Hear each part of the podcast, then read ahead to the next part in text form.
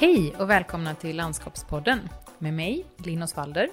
Och mig, Lisa Norfall. Idag ska vi prata om del två av byggprocessen, som vi ju kallar idé och programskedet. Just det. Men vi skulle vilja börja med att tacka för de eh, mejl som vi får från er med tips om vad vi kan prata om och eh, feedback. Och vi tänkte att vi skulle faktiskt eh, börja ta upp en veckans fråga som vi har fått här från en student som heter Jessica. För den är lite kopplad till det vi kommer prata om idag, alltså delar av frågan i alla fall. Precis. Jessica har funderat lite på vilka roller som en landskapsarkitekt kan ta i ett projekt. Och hennes fråga är om det är givet att vi kommer arbeta som projektledare när vi kommer ut i arbetslivet? Eller finns det fler vägar att gå? Eh, ja, vad har vi för svar på det egentligen? Ja, alltså först är det ju definitionen av projektledare såklart. Mm. Eh, och sen tänker jag också att det här har ju jättemycket att göra med hur junior eller senior man är. Mm. Alltså, om man precis har kommit ut från utbildningen eller om man har jobbat länge. Mm. Precis. Men just det här kanske klassiska begreppet projektledare skulle inte jag säga är jättegivet att man har just den rollen. Ehm, Nej, om man då menar projektledare som är byggprojektledare. Ja, ja men precis. Okay. Men däremot om man eh, kopplar det till beställare så finns det ju givetvis eh, den rollen man kan ha. Om man arbetar till exempel på en kommun eller på ett, eh, fastighetsbolag eller liknande. Eh, men jobbar man då kanske snarare som konsult på ett eh, arkitekt eller ingenjörskontor eller en sådan firma, så är kanske inte den här projektledande rollen i huvudsak den man har, utan snarare att man är mer med och verkligen arbetar aktivt i projekten just med rita, skissa, projektera och då i form av medverkande, handläggande eller ansvarig arkitekt. Sen finns det givetvis andra roller som eh, en landskapsarkitekt kan ha också. Om man till exempel då jobbar på en, på en länsstyrelse eh, med att liksom göra mer utredningar. Vi kan ju också jobba mer förvaltningsmässigt och sådär. Så det finns ju väldigt många olika roller vi kan ha. Precis. Och jag tänker att inom kommun till exempel, då är det ju oftast att arbetet består av små och stora projekt som mm. man på ett sätt leder såklart. Men det handlar ju om att man handlägger dem egentligen och driver dem framåt och håller i kontakterna.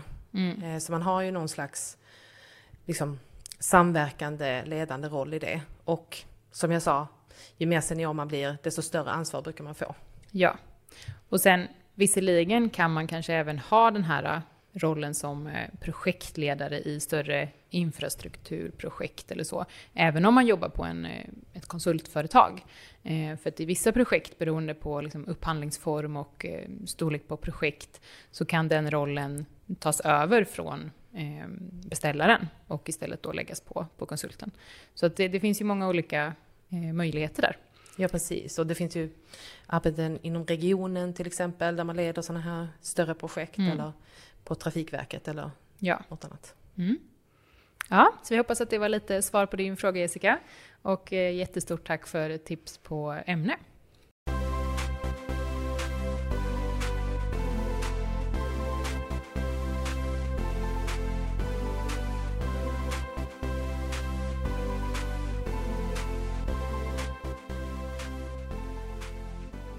Okej, men då ska vi ta tag i eh, nästa skede av byggprocessen.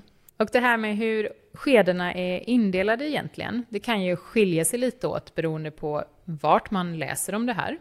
Eh, den indelning som vi har valt att göra i den här lilla serien eh, kopplar kanske mest till det som Svensk Byggtjänst delar in sina byggskeden i. Och det vi pratade om sist var ju just då första skedet, planskedet. Och sen nu då idé och programskede innan projekteringsskedet, upphandlingsskedet, byggskedet och förvaltningsskedet. Ja. Ehm, men det här kan som sagt då skilja sig lite åt. Och på Boverket så finns det en annan uppdelning eh, som ser lite annorlunda ut. Där det istället är uppdelat i förstudie, program, projektering och produktion och uppföljning. Vi ska försöka reda ut lite här liksom vad de här olika begreppen kan skilja sig åt och där ett begrepp faktiskt kan användas på olika sätt i olika skeden. Precis, och de här processerna är ju inte linjära, även om vi försöker lägga upp dem mm. så. Så att det kommer, liksom, det är en definitionsfråga och det kommer vara lite eh, kast fram och tillbaka. Ja. Men eh, vi kan ju liksom slänga in en sån liksom, förvarning här på att vi kommer ju prata mycket utifrån hur, hur vi har arbetat i de här olika processerna och Absolut. hur vi har använt de här begreppen. Så att det finns andra sätt att, att se på det också. Ja, mm. och det är ju så att nu närmar vi oss genomförandeskedet av den här landskap i förändring-processen. Mm. Och eh, där har du ju jobbat väldigt mycket. Mm. Så det kommer vara du som leder det här samtalet idag. Mm. Och jag som ställer lite frågor. Ja. Eh, men om vi ska börja med att försöka reda ut då vad, vad i alla fall jag eh, tänker när jag tänker idé och programskede. Och först och främst så just det här med idé. Det är ju, får man ju ändå tänka då, att vi har en detaljplan och eh, det finns liksom vissa förutsättningar för en plats. Sen är det ju då det som vi kan kalla byggaktör, eller byggherre som det historiskt sett i alla fall pratas mycket om. Eh, som då ofta har sett en möjlighet eller ett behov för en plats. Eh, och en byggaktör kan ju till exempel vara en kommun, men det kan också vara mer ett eh, kommersiellt fastighetsbolag. Byggaktören börjar ju ofta då med att göra någon form av behovsanalys. Alltså vad är det vi har sett för behov här? Vad är det vi vill bygga? Är det någonting nytt som ska tillföras eller är det en ombyggnad till exempel? Så att det här är ju någonting som, som byggaktören först gör eh, innan vi på något sätt kopplas in egentligen. Och när väl den här behovsanalysen är, är fastställd, då påbörjas det som vi kan kalla programskede. Och programskedet kan då innehålla flera olika utredningar som kan eh, sammanställas i någonting som kallas ett byggnadsprogram, där kända förutsättningar och krav beskrivs. För att kunna förverkliga då de här eh, behoven eh, som man ser på en plats så handlas ofta då konsulter upp för att utföra detta, att kunna skapa någon form av gestaltning för platsen. Och då kan det handlas upp massa olika typer av konsulter, till exempel då landskapsarkitekter, även husarkitekter och andra teknikområden som kan behövas i det här tidiga skedet också. Och i programskedet så kan då olika förslag tas fram, eller olika alternativ för hur vi kan uppfylla de här behoven. Och det diskuteras och jobbas fram tillsammans. Så det allra bästa är ju om vi, vi de olika konsulterna arbetar eh, tillsammans under samma tidplan kan man säga. Eh, för då kan vi ju faktiskt se till att vi kan nyttja den här tomten på bästa sätt. När du beskriver den här eh, organisationen och de här olika konsulterna som jobbar ihop mm. i projektet. Är det vanligt då att de kommer från flera olika kontor eller är det så att ni kanske är kollegor i vanliga fall också? Mm, men det är en jättebra fråga. Det kan skilja sig åt lite grann. Eh, det som jag har varit mest van vid är att det är från olika kontor. Eh, det beror ju lite på såklart vart man jobbar. Eh, jobbar man på ett ingenjörsföretag till exempel så kanske man inte har inhouse-arkitekter där, vilket gör att den här eh, beställaren måste handla upp från olika håll. Eh, men vissa företag har ju många typer av teknikområden inom samma, eh, inom samma tak, vilket gör att en, en beställare kan handla upp enbart en konsult. Men det här har ju ganska mycket med avtal att göra och det kanske vi ska prata vidare om någon annan gång. Men framförallt så jobbar vi ju mycket på det som kallas ramavtal. Mm. Alltså att beställare har handlat upp konsulter under en viss period som i första hand tilldelas de projekt som, eh, som ska göras under den här till exempel tre eller fyraårsperioden. Och det här skedet, programskedet då, har väldigt ofta för mig kallats en förstudie. Att vi har fått ett uppdrag om att utföra en förstudie för en utemiljö. Eh, och det kan ju skilja sig lite då åt hur ordet förstudie används i Boverkets eh, beskrivning av byggskedena här då. Eh, men det är så jag kommer att prata om begreppet förstudie. Det är det här äh, mellansteget efter detaljplan men innan projektering. Alltså att vi tar fram ett förslag för en plats. Och eh, en förstudie kan då mynna ut i väldigt ofta en illustrationsplan.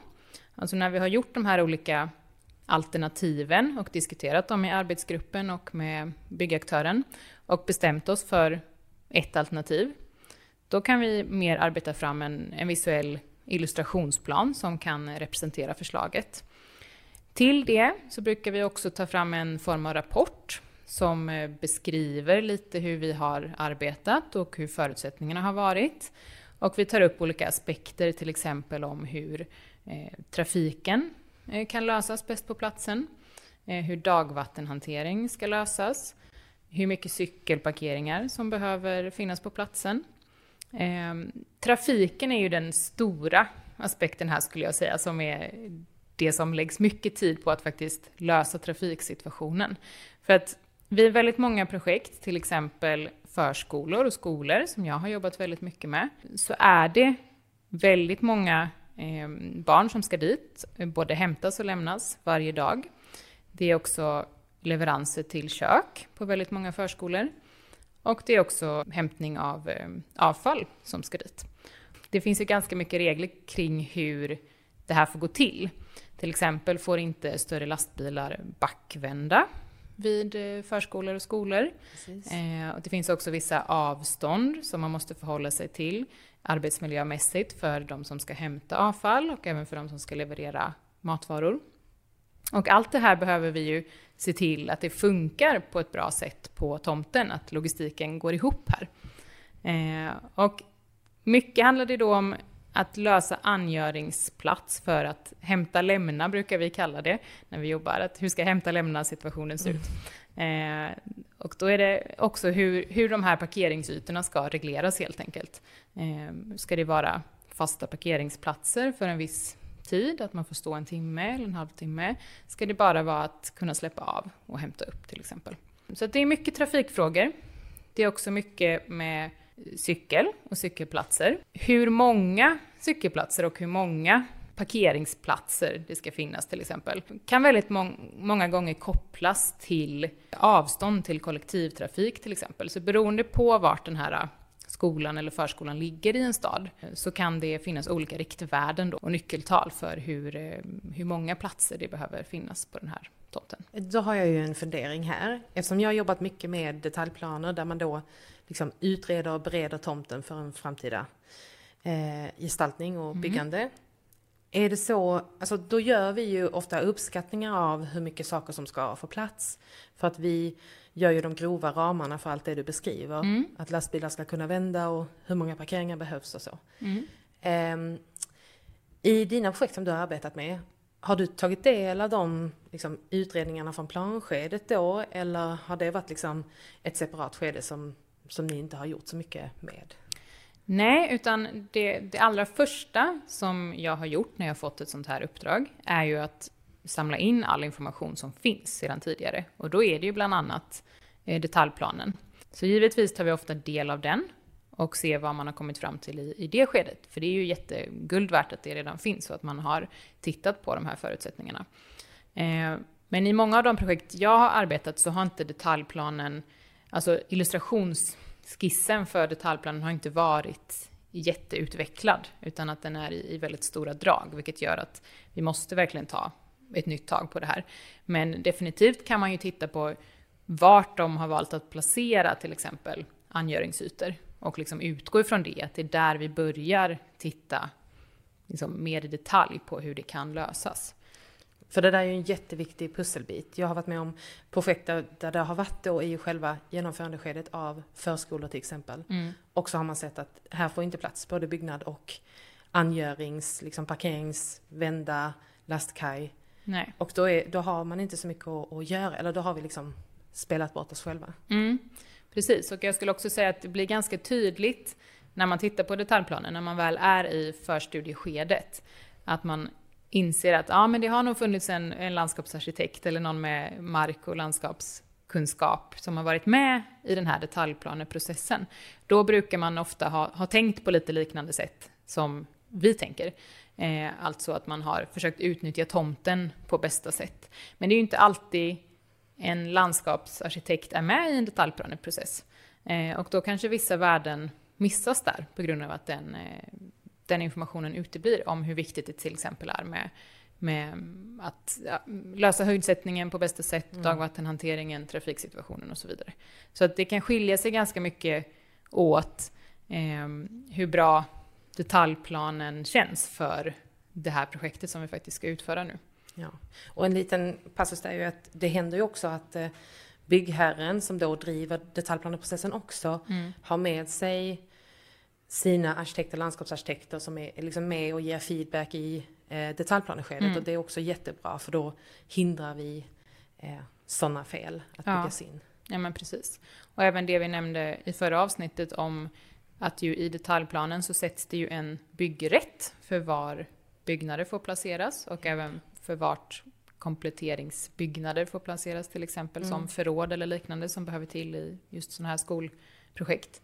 Eh, och ibland kan ju den här byggrätten vara väldigt snäv, vilket gör det ja, men väldigt svårt för arkitekten att egentligen eh, tänka så mycket kring utformningen av, av den nya byggnaden, utan den kanske bara kan vara på, på ett enda sätt. Och i andra fall så kan den här byggrätten vara mycket mer väl tilltagen, vilket gör att det finns många fler alternativ på hur byggnaden kan placeras i olika väderstreck och utifrån de höjdförhållanden som finns på tomten och så vidare. Eh, så att ibland har vi ju väldigt mycket begränsade möjligheter och ibland så finns det mycket mer eh, utrymme. Men eh, sen kan det också då vara, som jag nämnde, i vissa projekt så kan det vara att arkitekten kanske har utfört sin förstudie redan innan vi som landskapsarkitekter kommer in i projektet. Eh, och då ligger det ju ännu lite mer på oss att kanske ibland försöka pusha för att eh, arkitekterna också ska göra någon ändring i sin utformning av eh, hur, hur rummen har placerats, hur entréer har placerats, fönster och så vidare. Just för att vi ska kunna utnyttja tomten på bästa sätt.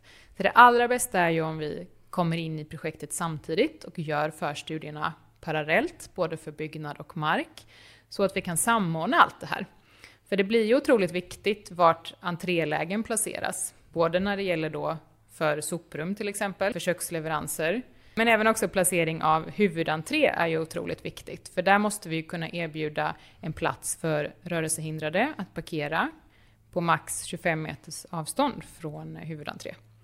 Och ligger det här huvudentré på liksom baksidan av huset in mot gården till exempel så kanske det är jättesvårt att, att lösa det där man har tänkt sig att eh, trafiken ska vara till exempel. Och förutom då en illustrationsplan på själva förslaget och den här kompletterande rapporten som beskriver hur vi har tagit oss, tagit oss an platsen, så brukar vi också i en förstudie leverera en kostnadsbedömning av förslaget. Och den blir ju väldigt grov såklart, eftersom vi inte har detaljprojekterat någonting, men som i stora drag kan beskriva vad kommer själva gårdsutformningen kosta? Eh, vad kommer trafiklösningen kosta? Och så vidare. Just för att beställaren ska få ett hum av vad det här projektet kan landa på i slutändan. Och det blir också ett underlag för dem att fundera på om det här projektet ska genomföras eller inte, om vi behöver göra några justeringar i gestaltningen, eh, eller om man ska skjuta på projektet till exempel.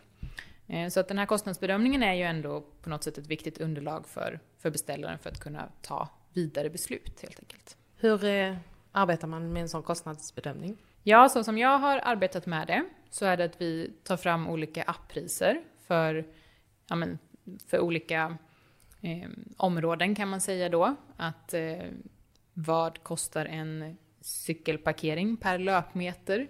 Vad kostar en eh, planteringsyta? Eh, vad kostar ett träd till exempel? Att vi gör det här på ett väldigt övergripande sätt helt enkelt. Så då sätter vi ett appris på det och sen räknar vi då på en, eh, på en area helt enkelt. Alltså hur mycket planteringsytor har vi tänkt oss? Hur många träd ska det vara? Så det kan vara area eller kubik eller styck som vi räknar på, på olika ytor då. Och så sätter vi ett appris på det för att få till en, en totalsumma. Och sen kan man även då lägga på till exempel en viss procent för oförutsägbara kostnader och för projekteringskostnaden och så vidare. Men det blir liksom ett, ett hum om eh, en uppskattning. Så att det är viktigt att påpeka att det inte är en kalkyl, utan det är en, en bedömning eller en uppskattning av en kostnad. Så om vi ska gå in lite mer på det här med, med roller och hur ett projekt drivs, så kan man ju då fundera på vem är det egentligen som, som driver ett projekt? Och jag har ju nämnt det lite grann, det här ordet byggaktör eller byggherre. Eh, och det är ju de som, som oftast då äger fastigheten eller äger marken. Och det är också de då som, som driver projektet på något sätt. Byggaktören kan ju också då utse en specifik person som är projektledare för det här uppdraget då. Eh, och på en kommun till exempel så finns det ju massa olika förvaltningar. Och beroende på vilket typ av projekt det är, alltså vilken verksamhet det handlar om, så är det ju en förvaltning som ansvarar för de här typen av projekten. Eh, jag har jobbat jättemycket mot Göteborgs stad och där är en förvaltning lokalförvaltningen. Och det är de som har hand om alla lokaler kan man säga då som är kommunalt ägda. Så det är ju till exempel alla förskolor och, och skolor. Mm. Så då är det ju projektledare som sitter på lokalförvaltningen som beställer de här uppdragen då. Det där är så himla intressant för Göteborg är ju en jättestor organisation. Mm. Och eh, jag har jobbat i andra, mycket mindre kommuner och då kunde det vara så att det till och med var eh, skolchefen, alltså den som egentligen mm. är den liksom, pedagogiska Just chefen det. för alla skolor, också sköter de här byggprojekten. Mm. För att det är en mycket mindre organisation. Ja. Och i en kommun som jag jobbade i, då var man precis i förändringsskedet där skolförvaltningen hade kommit på att vi behöver ju anställa en eh, byggnadsingenjör som kan mm. driva de här projekten. Ja men precis, och de här projektledarna, de kan ju ha lite olika bakgrund såklart. Eh, där har inte jag i något sammanhang stött på att det är en landskapsarkitekt som har varit min beställare i en sån typ av projekt, men det kan det säkert givetvis vara också. Men de kanske ofta har någon eh, ingenjörsbakgrund eller eh, någon mer projektledarbakgrund helt enkelt. Men det som du nämnde där är ganska intressant, för det är ganska ofta som också ett sånt här projekt innebär att man har någon form av kontakt med en rektor på en skola eller med pedagogerna i sig. Eh, jag tänkte jag kunde beskriva lite kortfattat hur det går till när jag har fått ett sånt här förstudieuppdrag. Alltså de olika stegen i det kan man säga. Ja. Och som vi nämnde så är det ju ofta så att när man jobbar på en konsultfirma så har man ofta olika ramavtal med kunder.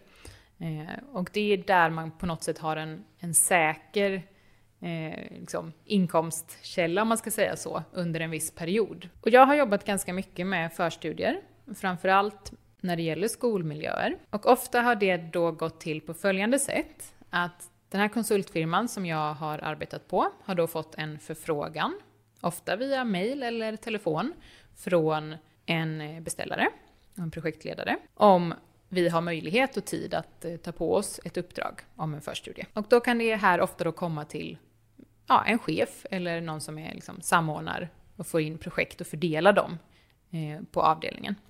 Så att om min chef då har fått in ett uppdrag så kan det vara då till exempel sen att, att jag får det här uppdraget, antingen på grund av att det är någon viss eh, kompetens jag besitter som gör att jag passar väldigt bra för just det här uppdraget.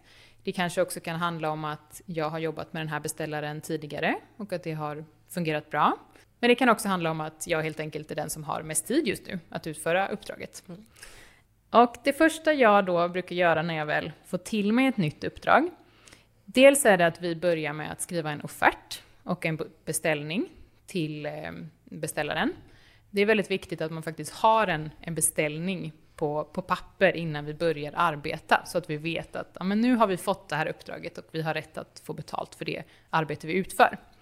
Så att när vi väl har fått en godkänd offert och vi har en beställning, då brukar det första steget vara att ha ett startmöte med beställaren. Och då får vi till oss all den bakgrundsinformation, till exempel den här behovsanalysen som kan ha gjorts tidigare. Vi kanske får till oss andra dokument som eh, en husarkitekt redan har tagit fram. Eh, eller att det finns önskemål från verksamheten till exempel, som behöver arbetats in i vårt, eh, vårt förslag. Ibland kan det innebära att även en rektor eller pedagoger är med på ett sånt här startmöte. Men först får jag då till mig all information som jag sen tar med mig till, till ritbordet och börjar fundera på, är det något ytterligare jag behöver till exempel från beställaren? Då är det väldigt viktigt att jag tidigt begär in det. Och det kan ju till exempel vara ett kartunderlag, alltså en grundkarta i CAD, för att jag sen ska kunna börja skissa på den här platsen och att jag ska kunna få en förståelse för måtten, för storleken och så vidare. Sen är ett väldigt viktigt steg att faktiskt ta sig ut på platsen, alltså att göra ett platsbesök. Och då tar jag med mig kameran, jag tar med mig penna och skisspapper och är ute och helt enkelt analyserar platsen. Fotograferar platsen från alla möjliga håll eh, och eh, funderar på hur det ser ut idag. Kanske pratar med någon brukare eller bara observerar hur platsen används. Och det här kan ju skilja sig åt då beroende väldigt mycket på vad det är för typ av projekt. Är det till exempel då en, en förskola eller skola så är det också väldigt viktigt att ta kontakt just med, med skolan och meddela att vi kommer för att studera miljön och så vidare. Eh, är det ett torg vi jobbar med till exempel, eller en gata? Då kanske det handlar mer om att observera hur folk rör sig på platsen under olika tidpunkter till exempel. Så det beror ju på vad det är för typ av projekt. Det kan ju också skilja sig ganska mycket åt om det är en nybyggnation som ska göras eller om det är en ombyggnad. För vid en nybyggnation så kan det ju vara så att det som finns på platsen idag kanske bara är en skogsdunge eller det är sly eller det är en stor öppen yta av något slag. Så då kanske det mer handlar om att förstå kontexten och hur, hur platsen fungerar i sitt sammanhang, alltså med omkringliggande vägar, verksamheter, vegetation, byggnader och så vidare. Men om det är en ombyggnation så kanske det mer handlar om att försöka identifiera saker som ska bevaras, vad som behöver rivas, vad som fungerar bra idag, vad som fungerar mindre bra och så vidare. Mm. Och när väl det här platsbesöket är gjort så tar jag ju med mig allt det här tillbaka till kontoret och då skulle jag säga att själva den här skissfasen börjar. Och jag brukar alltid skissa med, med penna och papper de första dagarna för att försöka förstå platsen eh, och att liksom känna in olika former och sådär. Så då brukar jag skriva ut ett CAD-underlag i den skalan jag vill ha och sen skissar jag helt enkelt på det här. Och hur länge jag gör det beror ju på vilken budget man har i projektet och hur, hur stor omfattning det är. Men eh, jag skulle väl kanske säga någonstans mellan två, tre dagar att man eh, försöker få fram någon form av gestaltning. Och det jag försöker lösa då när jag skissar, det är ju framförallt att titta på de här olika aspekterna som jag nämnde tidigare. Det handlar om trafiksituationen. Vart och hur ska vi lösa hämta lämna? Hur ska vi lösa leveranser? eh, avfallshämtning, vart ska vi placera cykelplatser? Det är ju en sån väldigt central bit av det hela. Men sen handlar det också då om hur själva gården ska utformas med olika rum och olika funktioner. Så till början är det ganska övergripande liksom, rumslighet och hitta plats för olika funktioner. Vissa kommuner har ju till exempel att man vill att förskolegårdar ska delas upp utifrån olika zoner. Där den zonen som är närmast Byggnaden ska vara en trygg zon, kanske främst för de mindre barnen. Och ju längre ut på tomten man kommer så kan det vara mer livfulla och lekfulla miljöer där de lite äldre barnen kan, kan ta sig vidare ut. Så där får man också fundera på vad kommunen har för dokument som jag behöver förhålla mig till när jag skissar. Och när jag har någon form av struktur och någonting som jag känner att men det här är en grundidé, ja då kanske det är dags att återigen ha ett avstämningsmöte med sin beställare och diskutera det här. Även diskutera det med arkitekten. Hur fungerar det med hur de har tänkt att olika rum ska placeras i byggnaden? Vart kommer entréer vara? Fönsterpartier och så vidare. Ofta kanske arkitekten har någon form av ateljé eller studio för barnen. Då kanske det är rimligt att vi placerar någon uteplats med möjlighet att sitta och, och måla och eh, göra olika pyssel och så vidare för barnen där. Så då får man ju samordna det här också, att vi kan placera olika funktioner där de passar bäst. Och när det då kanske har gått eh, ja, ett par veckor till exempel, beroende på hur stort projektet är, så kanske vi har en, en färdig lösning som känns att ja, men det, det här kommer nog kunna fungera bra. Då börjar jag jobba vidare med en mer faktiskt illustrationsplan av det här förslaget. Ibland för hand och ibland mer digitalt, beroende på ja, men hur mycket tid man har, skulle jag säga. Har du en eh, egen stil där Linn, så att man kan säga att det här, det har Linus Walder ritat? eh, ja, det kanske är svårt att fråga mig själv om det, men eh, man har ju säkert vissa saker som man återanvänder också i sina projekt. Eh, jag gillar till exempel att både rita för hand och sen kanske lägga in det i, i någon form av datorprogram också, för att eh, liksom, behålla lite av den här karaktären, men samtidigt liksom kanske kunna lägga på lite effekter. Men jag skulle säga att det där är också en, eh, en bedömning man får göra av hur Alltså en förstudie, den ska ju givetvis vara väldigt genomtänkt och hyfsat detaljerad, men det är ju inte en projektering, vilket gör att det kan också vara ganska bra att använda sig av liksom handskiss även när vi presenterar vår förstudie, för att den inte ska tas för att vara detaljprojekterad. Det är en jättebra poäng. Eh, så att eh, där får man liksom avväga lite hur man, hur man väljer, alltså vilken teknik man, man väljer där. Och sen då som komplement till den här illustrationsplanen så skriver jag också en rapport, som jag nämnde, Och eh, då kan jag ju förklara hur jag har tänkt kring trafiken till exempel. Hur har vi fått fram att det ska vara så här många parkeringsplatser? Hur tänker vi kring dagvattnet på platsen? Om de här olika rummen och funktionerna som ska fås in. Det kan också handla om belysning. Det kan också handla om hur platsen kan användas när verksamheten inte är aktiv, alltså under kvällar och helger. Och den sista grejen är då också kostnadsbedömningen som blir ett viktigt underlag i eh, den här förstudien. Och när allt det här är sammansatt så är det redo att levereras. Men det är också viktigt att låta en kollega eller ens eh, chef eller annan person granska det man har gjort. Och detta görs ju också ganska kontinuerligt under projektet också. Att man kanske diskuterar lösningen med någon kollega, eh, låter någon annan titta på kostnadsbedömningen så att man inte har råkat eh, missa en nolla någonstans eller liknande.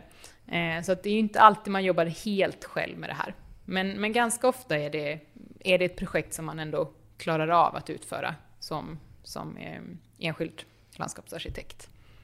Och hur är det med eh, tidplaner och sådär, för jag tänker för ditt arbete? Mm. För du har ju lagt upp en budget och en tidplan, så här Mm. många timmar kommer det här ta för mig.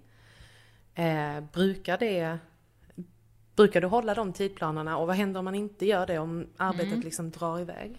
Precis. Det kan ju vara lite olika vad man har för avtal med den här kunden. Väldigt ofta så har man jobbat på löpande pris i de projekt jag har jobbat i.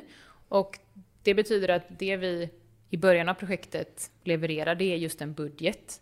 Och den ska vara helt okej att den förändras. Eh, för det kan vara saker som händer. Eh, och det kan också ibland vara så att det tillkommer saker eh, från kunden som de vill att vi ska utföra också. Och då blir det ett tillägg eller en ändring på, på den här budgeten. Eh, så att det ska gå att justera en budget. Men ibland kan man ju också jobba på fastpris och då har man liksom en annan förutsättning. Då, då vet redan kunden vad det här uppdraget kommer kosta. Vi vet vad vi kommer få betalt för. Eh, och då kan vi inte få något ytterligare betalt. Om det inte då såklart är någon form av ändring eller tillägg då. Men, men vi kan inte överskrida den på samma sätt som vi kan med en, en löpande budget egentligen då. Men man ska säga att det är otroligt viktigt att meddela sin kund om det är så att man, att man är på väg att överskrida sin budget.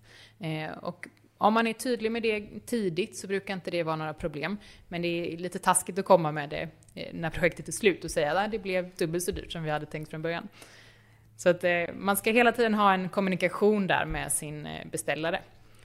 För de förväntar sig ju på något sätt att det som de har fått till sig att det ska kosta, det är det det kommer att kosta. Så att det krävs mycket kommunikation hela tiden där.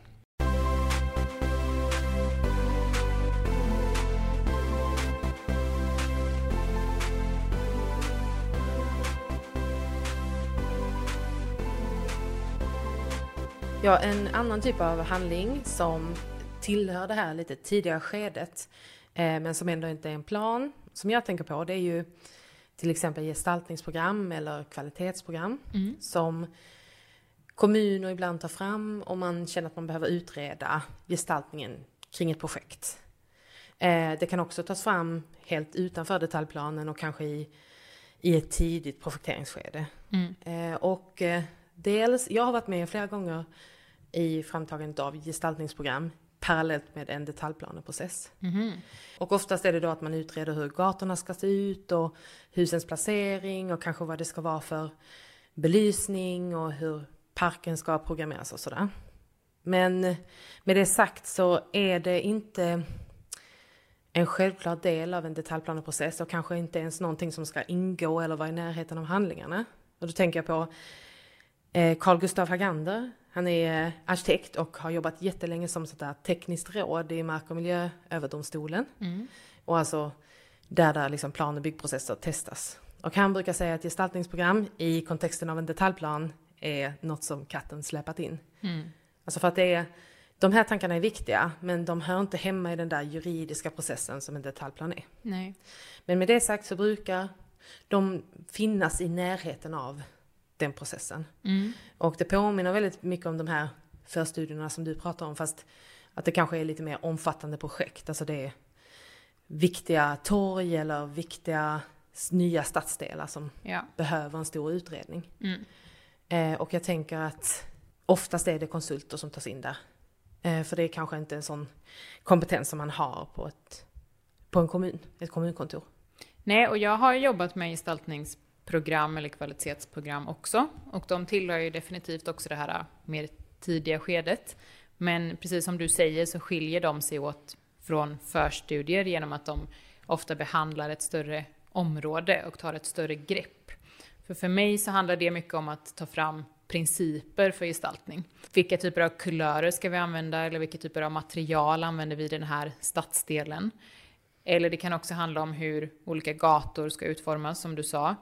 Eh, vad använder vi för material och mått när det kommer till huvudleder, lokalgator, gångfartsgator och så vidare inom en viss stadsdel? Eller hur vi använder oss av vegetation eller belysning. Det är ett större grepp för ett större område medan förstudien kanske oftare då är mer kopplat till en specifik tomt och ett specifikt projekt. Det är så jag har jobbat med de olika begreppen. Ja men exakt. Och jag tänker att det, det finns för stadsdelar, men sen många landsbygdskommuner, till exempel här i Skåne, de tar ju fram sådana här gestaltningsprogram för byarna eller att mm. man tittar på liksom stadsutvecklingen och arkitekturen i sina olika stadsdelar eller byar ja. på ett mer övergripande sätt. Ja, ja men precis. Jag har också någon gång tagit fram ett gestaltningsförslag för mer ett idrottsområde eh, där Park och Natur, som då är en annan förvaltning som mer har hand om naturområden i en stad. En sån här typ av gestaltningsprogram kan då handla om hur man ska kanske sammanlänka olika verksamheter där det är olika idrottsföreningar till exempel som, som samsas inom en yta. Eh, eller där man vill tillföra utegym eller annan form av aktivitet för allmänheten. Och hur man då ska få in det i ett eh, naturområde på ett naturligt sätt. Med eh, material och med siktlinjer och med slingor och stråk och så vidare. Eh, så det kan ju handla om alla olika mängder typer av projekt. Jag har också tagit fram gestaltningsförslag för en sån här MTB-bana, alltså en mountainbike-slinga eh, i ett mindre naturområde. Och de här gestaltnings mindre gestaltningsförslagen eller förstudierna ligger ju sen då till grund för en vidare projektering. Så att en förstudie, ett skissförslag eller gestaltningsförslag eller vad man nu vill kalla det, eh, blir ju liksom ett eh, litet startskott för projekteringen och att man också bestämmer om man ska gå vidare med projektet eller inte. En eh, sista sak jag funderar på, det är det här du nämner om eh, när du har jobbat med skolmiljöer att ni har haft ett litet samråd med just den personalen som sen ska jobba där, alltså mm. kanske rektor, skolchef eller pedagoger. Eh, och att det är en sån här form av lite vardaglig dialog med mm. användare, brukar, medverkan kan man nästan kalla det. I någon av de projekten du har jobbat med, har det varit någon inbyggd dialog? Jag har faktiskt inte jobbat jättemycket med dialogarbete, utan det har nog främst varit att beställaren eller någon verksamhetschef eller liknande har liksom levererat de tankarna. Men definitivt att vi ibland har fått sådana uppdrag, att mina kollegor har haft eh, någon form av liksom mer dialogarbete med barn till exempel, där man sitter med dem och låter dem skissa på förslag till sin miljö eller sådär. Eh, men jag har själv inte varit med i så många sådana projekt, men det hade jag faktiskt önskat att få vara mer, för det är otroligt intressant och väldigt kul. Och när jag har gjort sådana projekt i kommunen och vi har anlitat konsulter, då är det ju oftast, även om det är en landskapsarkitekt, så är det en som har eh, specialiserat sig på dialog mm. och är väldigt duktig på de här metoderna och ja. vet vilka material man ska använda och sådär. Så att det, det finns ju också det spåret man kan specialisera mm. sig på. Jo men absolut. Ja, och sen ska man ändå nämna att just det här när man får in önskemål från en verksamhet, man ska ta det ändå lite med en nypa salt. Eh, för att de är ändå utbildade inom någonting annat. Alltså de har ju pedagogik ofta kanske som sitt specialistområde då när det gäller skolor till exempel. Och det är jätteviktigt att vi tar in deras önskemål. Men sen handlar det också om att vi faktiskt ska analysera de här önskemålen och fundera på om de är värdefulla eller inte att ta in i de här projekten. För det kan också vara så att personal har mycket önskemål men att det kanske är just önskemål. Och det är också så att personal byts ut väldigt ofta eh, på en, eh, ja, inom en verksamhet till exempel. Vilket gör att det kan också vara kopplat till just den specifika personen. Eh, en sån sak kan till exempel ha med vattenlek att göra.